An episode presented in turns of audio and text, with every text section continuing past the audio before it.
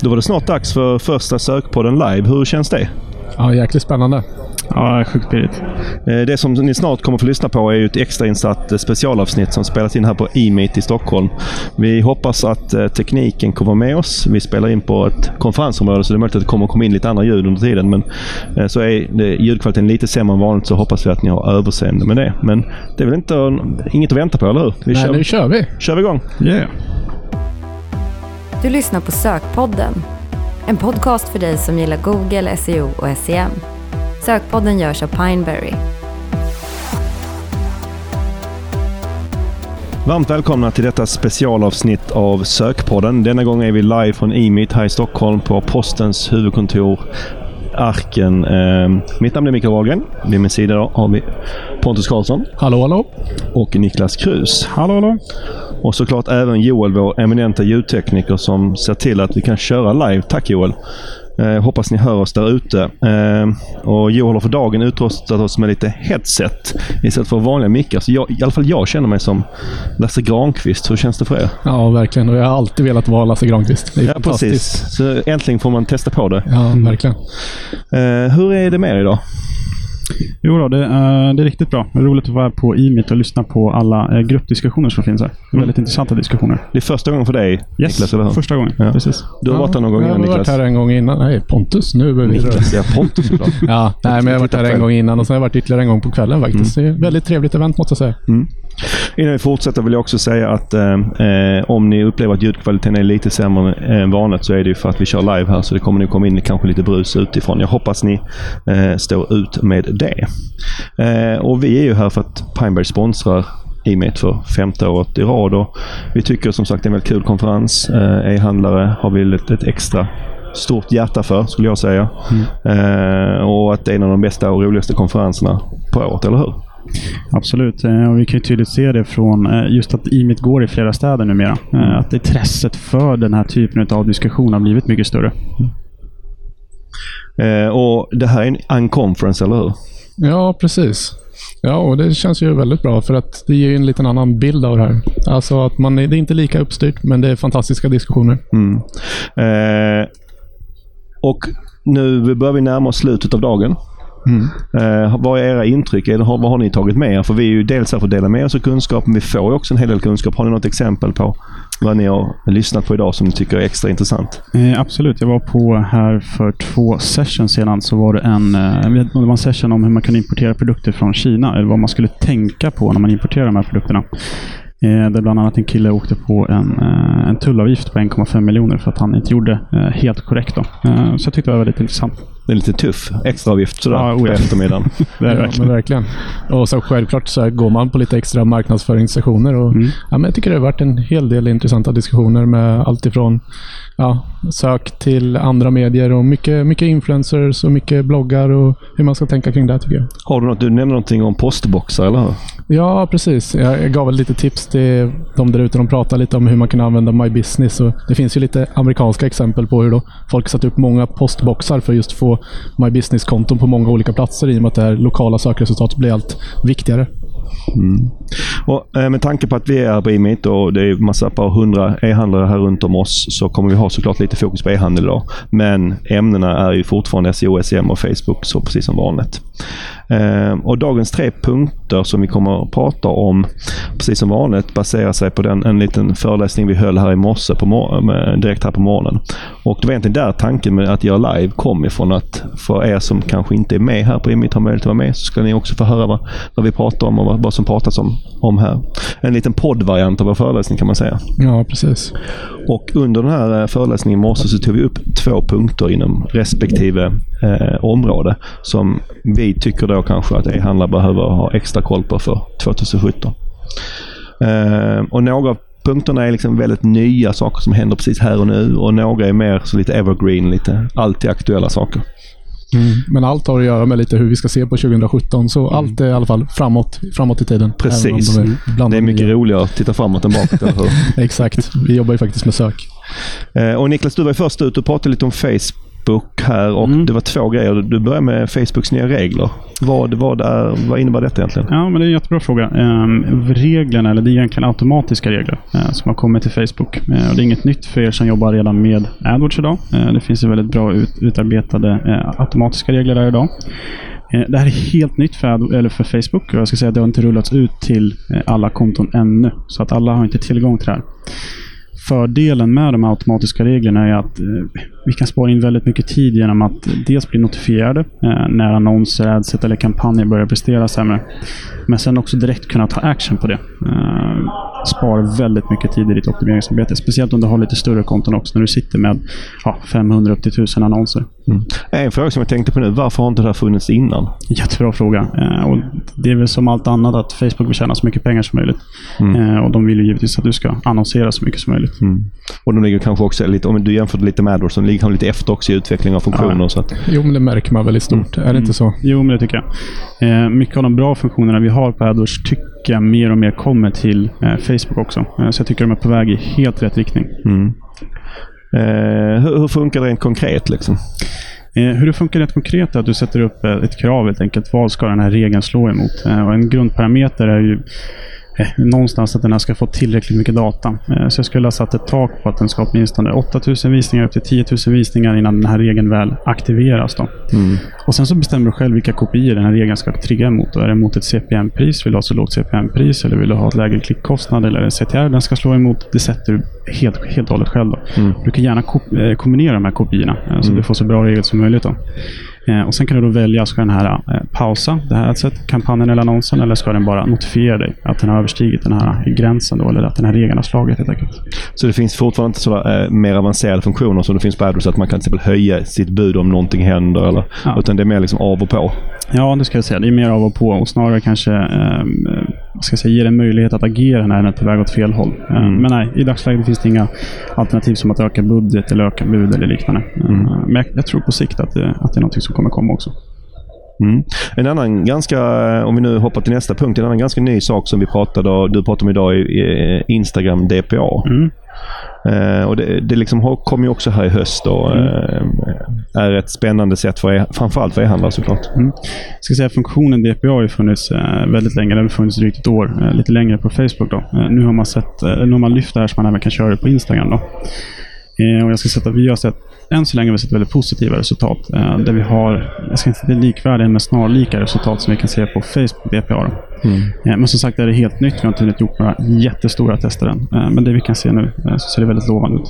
För en utmaning normalt sett med Instagram är ju att eh, det är ingen tvekan om att kunderna, eller vi är på Instagram i, i, i stor utsträckning. Nej, det är ju, ökar ju... Vad var det? Det kom någon rapport 4 nyligen också. procent ökade de i år. Eh, Så det är en av de kanalerna som faktiskt växer snabbast. Eh, En av de sociala kanalerna som växer snabbast. De är uppe på en ganska hög procent också av antalet användare. Jag kommer inte ihåg exakt vad det var, men jag vet Nej. att rapporten visar på enormt höga siffror. Jag Ja, var förvånad. Ja, men de tar stora, jag kan inte siffran i huvudet exakt hur Mm, precis. eh, många andelar det är. Eh, Men de, det, det, är något, det är en stor bit av kakan, det kan man säga. Och, det som har varit svårt för oss som jobbar med liksom, annonseringen är att visst, användarna finns där, men vi kan inte synas på ett kostnadseffektivt sätt. Traditionellt. Eller det har varit svårt med Instagram, eller vi har haft blandade resultat. Ja, jag ska säga. snarare säga det. Vi har haft blandade resultat. Det har funkat jättebra eh, för vissa typer eller segment eller vertikaler utav kunder. Eh, fungerar sämre för andra vertikaler. Eh, men eh, med Instagram DPA så kan jag säga att kunder som har haft sämre lönsamhet tidigare förmodligen kommer få eh, kommer se en bättre lönsamhet nu helt enkelt.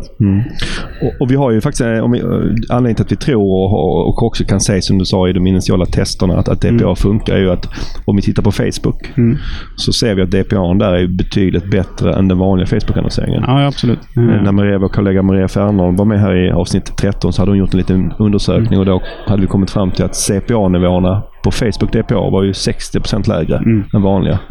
Tror du att vi kommer att få se liknande siffror på, på, på Instagram? Eh, ja, men det tror jag. Eh, kanske inte lika bra siffror, men eh, väldigt snarlika siffror, absolut. Ja. Det tror jag. Eh, Och är det inte så att produktbilderna blir extra viktiga i det här fallet då? Eller? Ja, men det skulle jag säga. Eh, Jag tror det kommer vara lite grann av ett ämne 2017, att man jobbar väldigt mycket med produktbilderna. Eh, Men absolut, jobbar du med Instagram som är en bildkanal, då ska du ha ett bra material också. Det är A och O.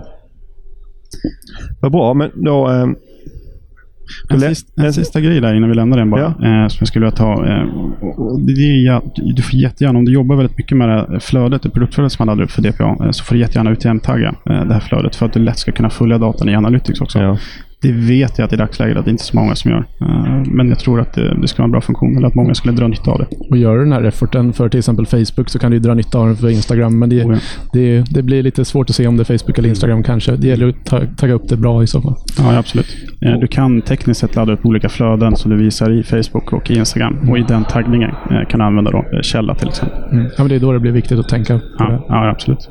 Och nu kom jag faktiskt på en fråga som vi fick där från en som var på vår session här i morse. Det var ju det här egentligen en lite mer allmän fråga, men som också gäller, för Instagram DPA. Det här med remarketing överhuvudtaget. Hur ska man se på det? Det finns ju liksom två synsätt. Det ena synsättet, för det, är oftast det mest lönsamma. Men det kan man ju hävda att det beror på att i och med att du annonserar mot de som redan var på din sajt, att det beror på att du har redan betalt dyrt för dem. Så det är därför det är så lönsamt. Och att man av den anledningen inte ska göra det. Hur ser ni på det? Eh, Ja, eh, det är en bra fråga ska jag säga. Jag tycker det är en bra frågeställning. Eh, Jag personligen tycker att du absolut ska göra det. Eh, Om vi kan se att du ligger med inför köpprocessen, vi kan se ganska tydliga resultat att det påverkar, eh, då tycker jag att man ska göra det. Jag ser det som lågt hängande frukter som man absolut ska plocka om man säger så. Mm. Och det som jag tycker är viktigt att tänka på är hur det påverkar totala konverteringsgraden. För du har ju faktiskt en påverkan på den totala konverteringsgraden förhoppningsvis. Ja. Har du inte det, då kanske du ska fundera på att klippa den. För att jag menar, det är det, hela ditt mål att du ska kunna konvertera en högre andel än vad du konverterar normalt. Mm. För att återannonsera de här som ännu inte är köpt eller som är väldigt nära i köpprocessen. Ja, för jag, jag ser det lite så också, jag håller med er här, att, att om man har investerat säg, dyra pengar att få personer eller besökare till sajten och de inte konverterar, då kan det kanske vara värt att lägga lite pengar till. För det är oftast det det handlar om, en liten del till för att ge det en extra chans. Ja, och det beror också väldigt mycket på vad du har för snittordervärden skulle jag säga.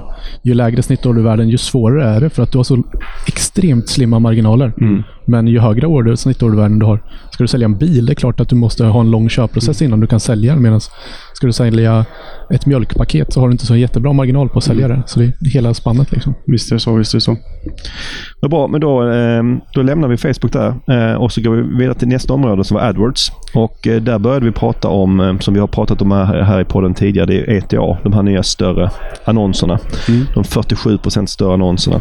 Och eh, Google har ju sagt att de ska ge 20% bättre click-through rate jämfört med de gamla annonserna.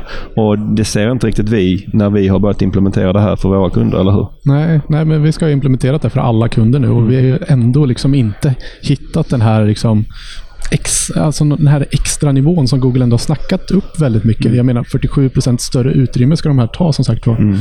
Vad- hur kan det inte påverka klickfrekvensen så pass mycket? Det, det är intressant och det kanske har delvis att göra med att de växer väldigt mycket på bredden och inte så mycket på höjden. Jag vet Nej. inte riktigt. Nej, Det var en ganska intressant fråga som kom upp idag. Hur påverkar det här sökresultatet? Kommer det skjutas ner mycket? Eller, och för, alltså frågan kommer det skjutas ner 47% Men det är inte riktigt sant för det kommer väl skjutas lite åt sidan också, eller hur? Ja, precis. Och det är väl egentligen bara att beskrivningsraderna egentligen blir, går från en till två, skulle jag säga, om man maximerar utrymmet.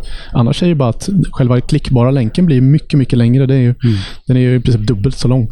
Och det är ju det är kanske där man tycker att... Men å andra sidan så har ju Google lyft upp description line 1 innan, så den har ändå varit ganska lång. Så frågan är hur pass stor den här klickbara ytan är i skillnad.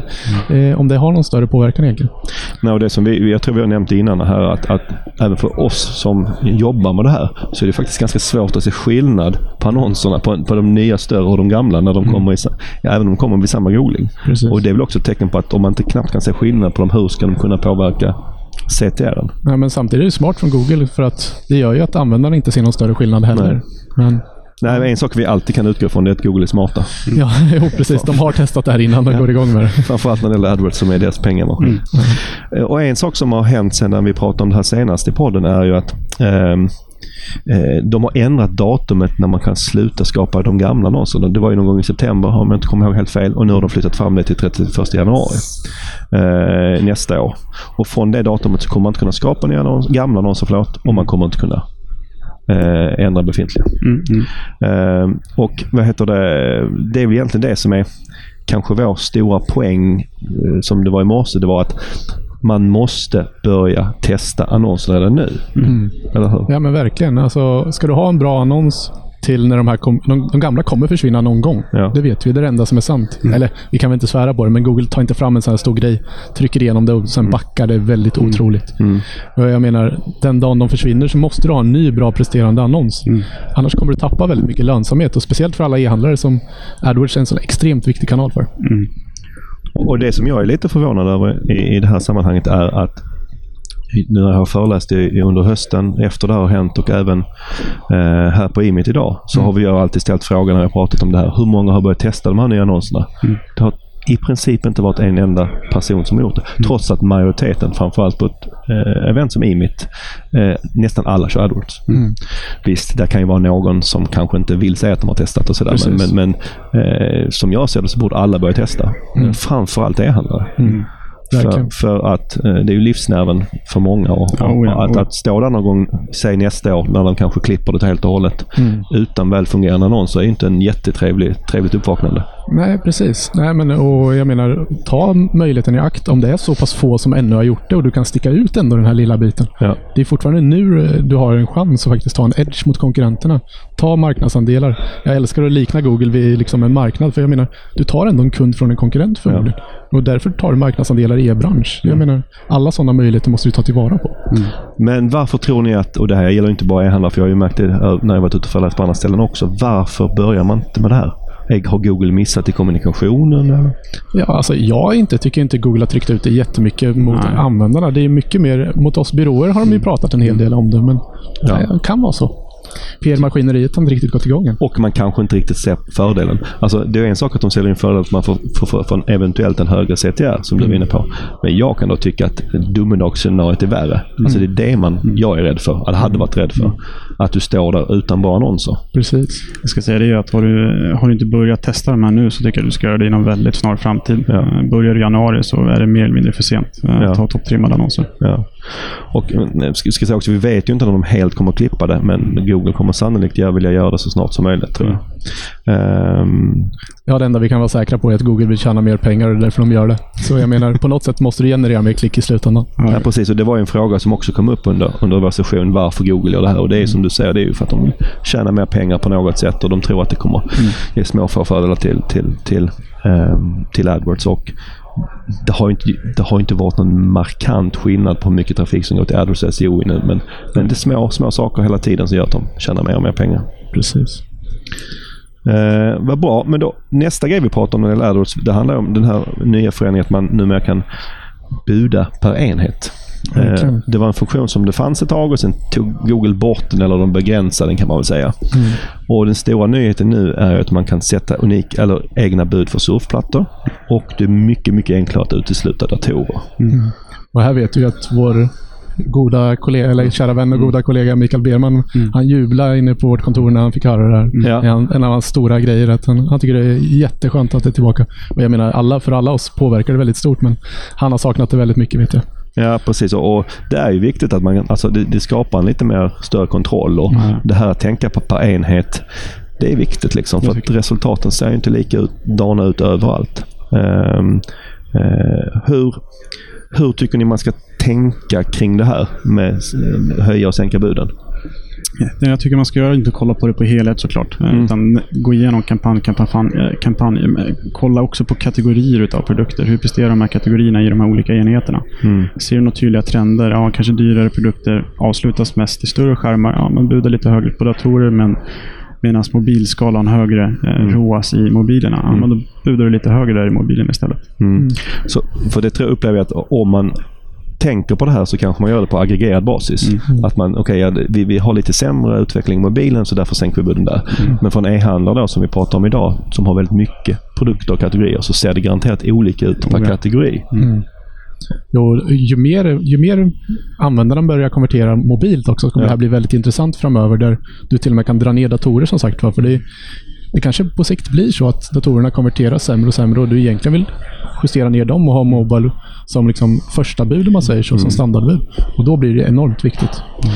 För den, den, det var en liten diskussion kring här när vi hade vår session och det var en sak som kom upp det här med, med att sänka mobilbuden. För det är det vanligaste att man har kanske upplevt att man har lite sämre eh, ut, utväxling på mobilen och därav så vill man dra ner de buden. Och det kan jag, det vet jag Pontus att du tycker kanske att man ska göra. Mm. Eh, att, att det, om man inte kan riktigt bevisa att mobilen levererar så ska man, det är kanske bättre att lägga pengarna någon annanstans. För jag är väldigt strikt Google Analytics-mätning. Ja. medan Last click. Last click det är min favorite. Medan andra tycker att man kan se mycket större värden i liksom köpcykeln. Och jag förstår absolut det. Man måste bygga, liksom, måste bygga knowledge i mobilen. Men om du har få som konverterar där så bör du kanske ändå justera ner dem. Mm. Jag, jag står nu någonstans mitt emellan. Eh, jag är inte riktigt lika mycket last click, click som du, men det, det jag kan tycka som en bra poäng här, om man, om, jag tycker om man, om man märker att mobilen utvecklas sämre än övriga enheter, då tycker jag absolut man ska testa att sänka buden.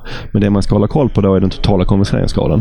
Som du var inne på, på även när vi, när vi, eh, när vi snackar om annonserna. Liksom, att om den påverkas negativt, då är det ett tecken på att du kanske har en cross-device-effekt som du inte kan se i Analytics. Precis. Så att du har massa som googlar på mobilen och sen handlar de någon annanstans, men du ser inte det. Nej. Och där hade, vi en, hade jag ett lite intressant tillägg på en annan diskussion här idag där, där vi pratade om just det här mäta mellan enheter och det är ju enormt svårt. Men om du lyckas konvertera en, en person i en, på en dator eller en mobil så kan man ju faktiskt titta lite på något som kallas user ID i Google Analytics och försöka lägga på ett ID på länkar som du skickar i mail eller något och försöka tracka om de har flera enheter.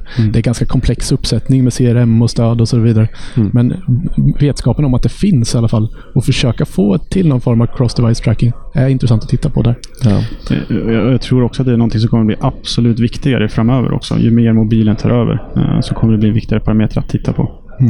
Och en fråga som, som, jag, som kom upp lite efteråt, efter vår session, var det var eh, en, en e-handlare som hade situationen att de har jobbar väldigt mycket med, de har butiker liksom. Och det var kanske butikerna som är den största businessen. Och då är de lite rädda för att om de sänker buden eh, så kanske det påverkar försäljningen i affären, alltså i butikerna.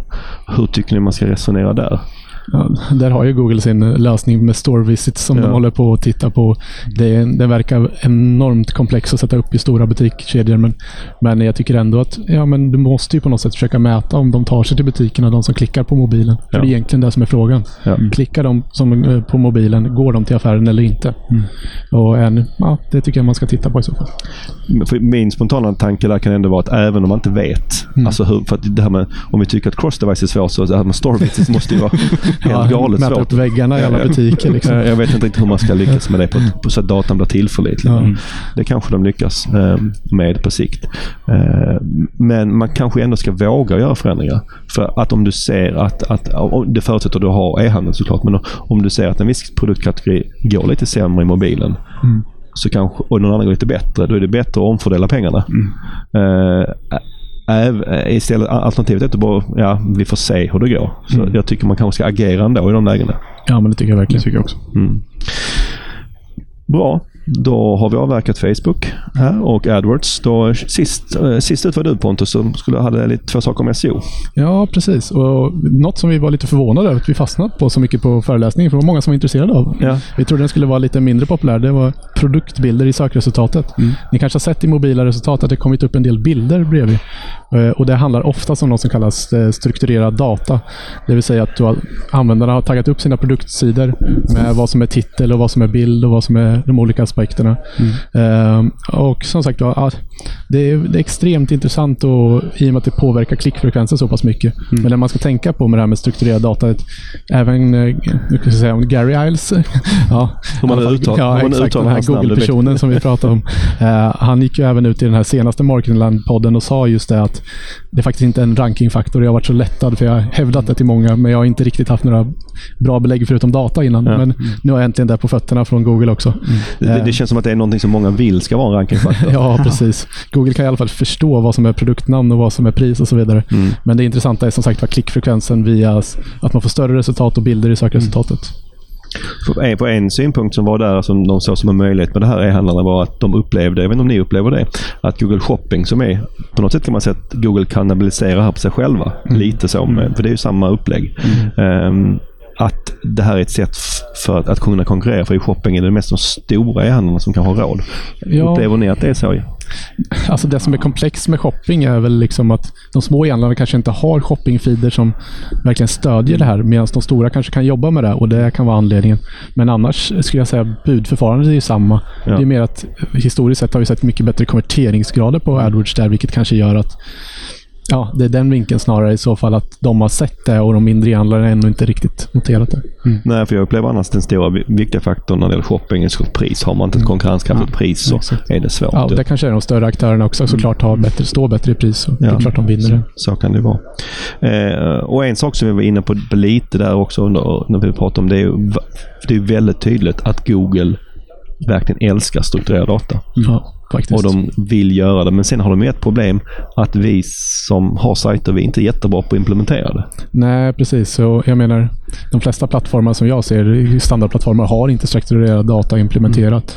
Eh, det är liksom en teknisk implementation där man som sagt taggar upp i HTML-koden i princip vad som är titel och vad som är bild och allting. Eh, och Det här kan man testa via Googles testverktyg för strukturerad data, Structured Data Tool, om man vill se om man har någon strukturerad data på en produktsida idag. Eh, Men som sagt var, det är, det är verkligen få som har det. Eh, och Google försöker hitta olika lösningar för att de användarna som, ändå, som inte har det ändå kan bevisa vad som är deras bild och vad som är deras produktnamn. Eh, och De har släppt i Search Console något som heter datamarkeringsverktyget. Där du får i i princip upp en version av din produkt och sen det är lite så här, vad ska man säga, drag and drop är det inte riktigt, men man klickar upp och så säger du att det här är produktnamnet, det här är priset och det här är bilden.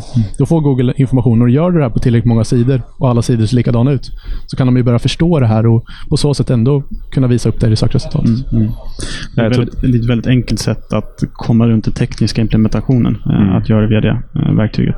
Ja. Jag tror ett problem, eller som, en sak som Google borde göra är att ge någon, alltså någon tydlig anledning till att man ska göra det här. Och det kanske produktbilderna är, att man ser någonting väldigt tydligt. att Om jag gör det här, för det är ju lite mäcket att göra det på riktigt. Jo, och de här produktbilderna har ju visats som sagt var länge, eller länge och länge, men en längre tid i USA. Så jag menar, många visste att det var något som skulle komma och jag har hört många prata om det här länge, men ser man inte effekten i Sverige så är det klart, varför ska vi lägga tid och kraft Ja. på det här? Det är ändå resurskrävande. Liksom. Jag kommer ihåg hur det var innan. Och det här, vet, det här var kanske inte strukturerad data, jag kommer inte riktigt ihåg. Men ett tag så kunde man ju få författarbild på en bloggpost i sökresultaten.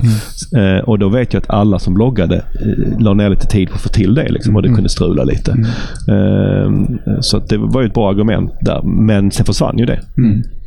Eh, Det vi har sett är att det finns bilder på recept. Det har ju funnits väldigt länge. Ja. Men ja, inte på produkter. Eh. Det är, väl, det är väl relativt nytt ska jag säga. Nej, och vi har fått en del bilder på våra sökmotorkonsultartiklar också, vilket är väldigt kul.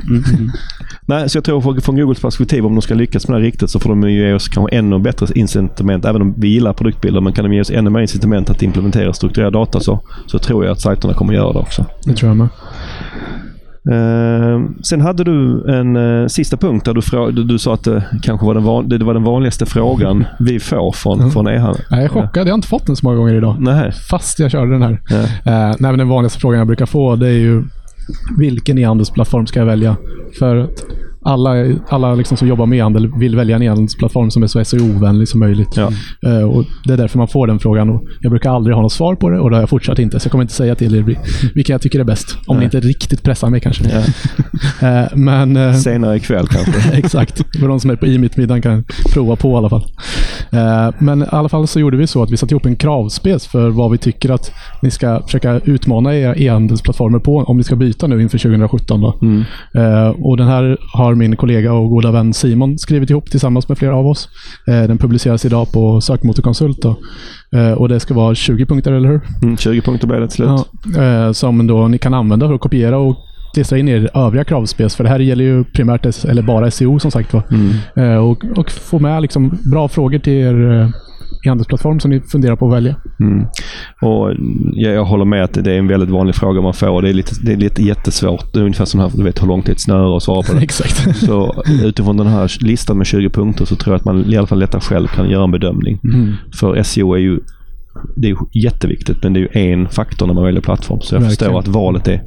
Och det är, liksom, det är nästan som att gifta sig och välja plattform, för man vill ju inte byta för ofta. Liksom, eller hur? Nej, man vet ju hur bökiga de här migreringarna är. Ja. Det är flera som varit fram och pratat med idag som ska göra migreringar. Och de är ju alltid lika skraja och det ska man vara med rätta. Men gör man allt rätt så är det ju mindre risk. Men det är alltid en risk att byta plattform för att det är mycket redirects och det är mycket hantering och servrar som ska sitta med rätt responskoder och sånt. Så, äh, alltså det är ett stort projekt och därför gäller det att välja rätt så snabbt som möjligt som sagt. Ja, och vi hade ju i morse inte riktigt tid att gå igenom alla 20 punkterna och det kommer inte jag här heller. Men du hade valt ut de fem du tyckte kanske var viktigast. Och då hann vi med fyra i morse. Ja. Förhoppningsvis hinner vi med fem. Ja, vi hoppas med alla fem. Ja. Nej, och de fem viktigaste, som, om, vi, om vi börjar med den första som jag nämnde, så var det sortering och filtreringsfunktioner. Många av er vet kanske att man kan välja, på en kategorisida oftast handlar det om, så kan man välja färg eller storlek i någon form av filter. Och så länge det skapas en ny URL för det här så skapas ju faktiskt en ny sida som Google måste gå in på. Och Det här blir ju ett problem i och med att eh, Google helt enkelt måste besöka väldigt många sidor som troligtvis har samma innehåll. Mm och det här, De här sidorna det är någonting som vi brukar kalla för duplicerat innehåll oftast. För det enda som kanske byts ut är själva produkterna på den här sidan. Ja. Och övriga innehållet är oftast detsamma. Och vi, de har ju oftast samma titel. Så är vi inne på ett exempel för ja, Nike-skor till exempel så kommer det bara vara olika typer av Nike-skor som visas på den här sidan. Men titeln och rubriken kommer vara Nike-skor på alla de här sidorna. Eh, och- och här vill vi ju försöka hitta olika lösningar på det här. Där vi vill egentligen att det ska antingen ska vara samma URL eller att få Google att tro att det är samma URL genom att man använder någon form av hash och sen fyller på parametrarna i efterhand istället. Och där, där kom en eh, lite intressant fråga idag när du pratade om det här med kring duplicerat innehåll och sådär. För det var en som hade hört från olika och så brukar det vara när det är så att, att huruvida det var dåligt med duplicerat innehåll eller inte. Ja. Eh, och, eh, ja, vår ståndpunkt är väl väldigt tydligt att det är, jätte, det är jättedåligt. Och jag tycker det bästa beviset på det är väl Google Pandan. Att, man, alltså att det är liksom en, en filter som inte bara jobbar med duplicerat innehåll men, Nej. men bland annat. Liksom. Att Google har flera lagt ner mycket möda kring att bygga filter som, som går mot du- just duplicerat fil- duplicerade sidor. ja, precis. Och det handlar ju mycket om varför man har just det filtret. Det handlar ju väldigt mycket om att eh, folk kopierar innehåll från varandra. Att det blir duplicerat externt. Ja. Eh, vilket kanske inte riktigt är den här problematiken om man säger. Nej. Eh, och sen nästa punkt som vi gick in på det är oftast att e-handlare råkar ut för att de har eh, flera produktvarianter, som, eh, eller flera sidor för samma produktvariant egentligen. För att det kanske skiljer sig bara på storlek eller färg. Ändå lägger man upp olika URL för alla de här. Och då har ni exakt samma produktbeskrivning på alla de här sidorna. Vilket är ett problem i och med att produktbeskrivningarna är ju en form av duplicerat innehåll. Så vi, båda de här två punkterna är liksom duplicerat innehåll i och med att vi har samma situation. Och här är det viktigt att få ihop de här produktvarianterna till en URL och att man på den URLen kan välja storlek eller färg om det är exakt samma produkt. Självklart är det olika produkter så ska det ju vara olika URL. Men så länge det är samma produkt, samma produktbeskrivning tycker jag är en bra förklarande grej. För så länge du har samma beskrivning av det så borde det vara samma produkt. Ja, det tycker jag. Och sen, men sen ibland kan, kan argumentet komma just på den här punkten att säga de att ja, men på min kategorisida, för jag säger att jag har eh, en mössa som både finns i gult och rött. Men jag vill visa både den röda och gula mössan på kategorisidan. Eh, Hur ska man tänka då? Ja, och i många fall så går det att lösa. Eh, Jag har varit med i något case med Magento där, det, där folk har pratat om det är inga problem att lösa. Det finns liksom så du kan visa upp på kategorisidan olika alternativ fast du kommer till samma URL. Ja. Och det är, det är ju den bästa lösningen om du nu vill visa upp flera varianter. Ja, sen eh, hoppar vi in på den tredje punkten då som eh, var produkter på flera URLer. Och Det handlar egentligen om att oftast när man klickar runt på en sajt så tänker man att man klickar eh, kategorivägen ner, det vill säga jag klickar på skor, eh, jag klickar på kängor och sen under där så finns det en produkt. Eh, och Den här produkten ligger i den URL-strukturen som den ligger skor, slash kängor, slash ja, skonamnet. Eh, och Den här kan också ligga på en annan URL i vissa plattformar som kanske är slash varumärken, slash eh, vad ska vi ha för kängvarumärke? Sh- Slash kängvarumärke och sen produktnamn. Och Då har vi den här på två olika URLer. Men vi vill alltid bara ha en produkt på en enda URL. Annars blir det duplicerat på grund av URL-strukturen. Och då kan man liksom, om man går varumärkesvägen så är slutsatsen att den alltid ska gå till den primära URLen, säger man. Det vill säga den URLen som antingen kategorivägen eller varumärkesvägen. Men man bestämmer sig för en som man bara har för en produkt. Och så styr man all trafik dit.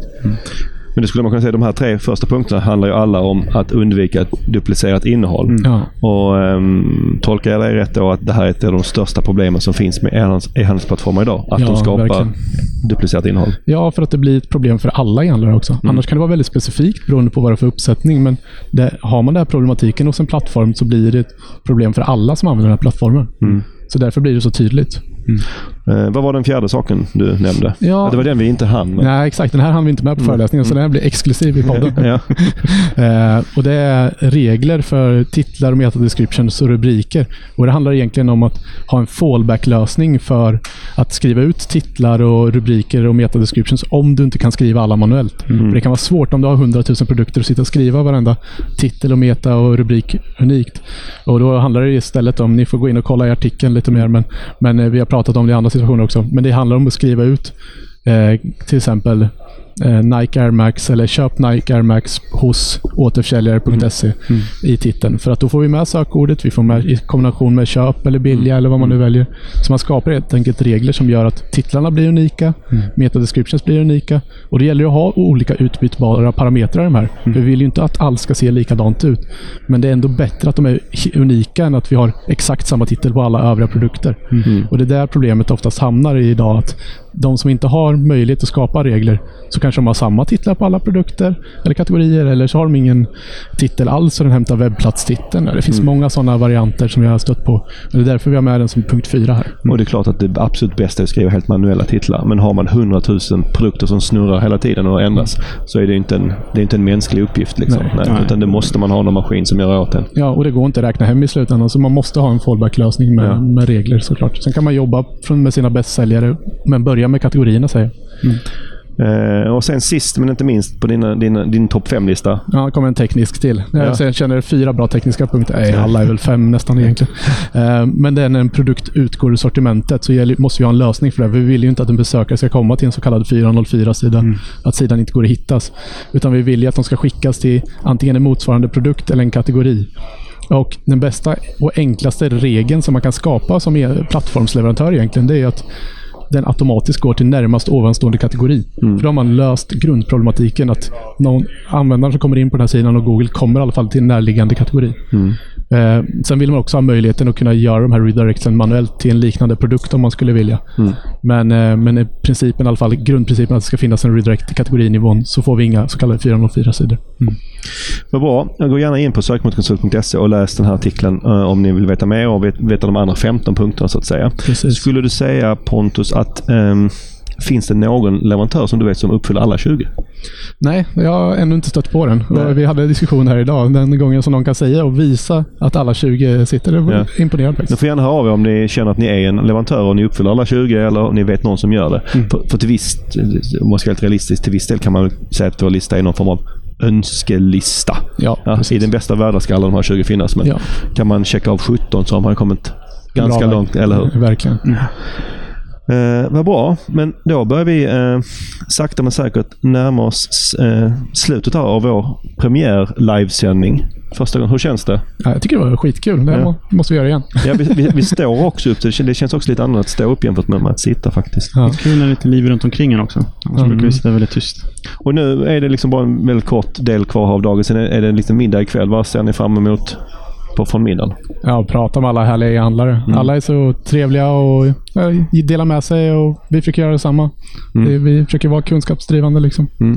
Det, jag tycker det är alltid väldigt trevlig stämning både här på dagen och på middagen. Att det är väldigt öppet, öppet för diskussioner, för att dela med sig av saker och ting. Jag tänkte precis säga det, att min första upplevelse av Givmitt är att alla är väldigt givmilda och delar med sig av sina egna erfarenheter, både positiva och negativa. Eh, Och Det är någonting jag hoppas kunna få se mer utav ikväll. Mm. Och nu tittar jag så lite snett bort på vår ljudtekniker och hoppas att det här har gått ut på riktigt så att vi inte har stått och pratat för döva öron. Det vet vi eller? Han visar tummen upp så att förhoppningsvis är det någon som har lyssnat i alla fall. Och även om detta är ett specialavsnitt så är vi precis som vanligt eh, tacksamma för all form av feedback. Eh, detta avsnitt är inget undantag. Vi finns på Twitter under sokmotorkonsult. Eller om du hellre vill mejla så eh, gör det på sokpodden.pineberry.com.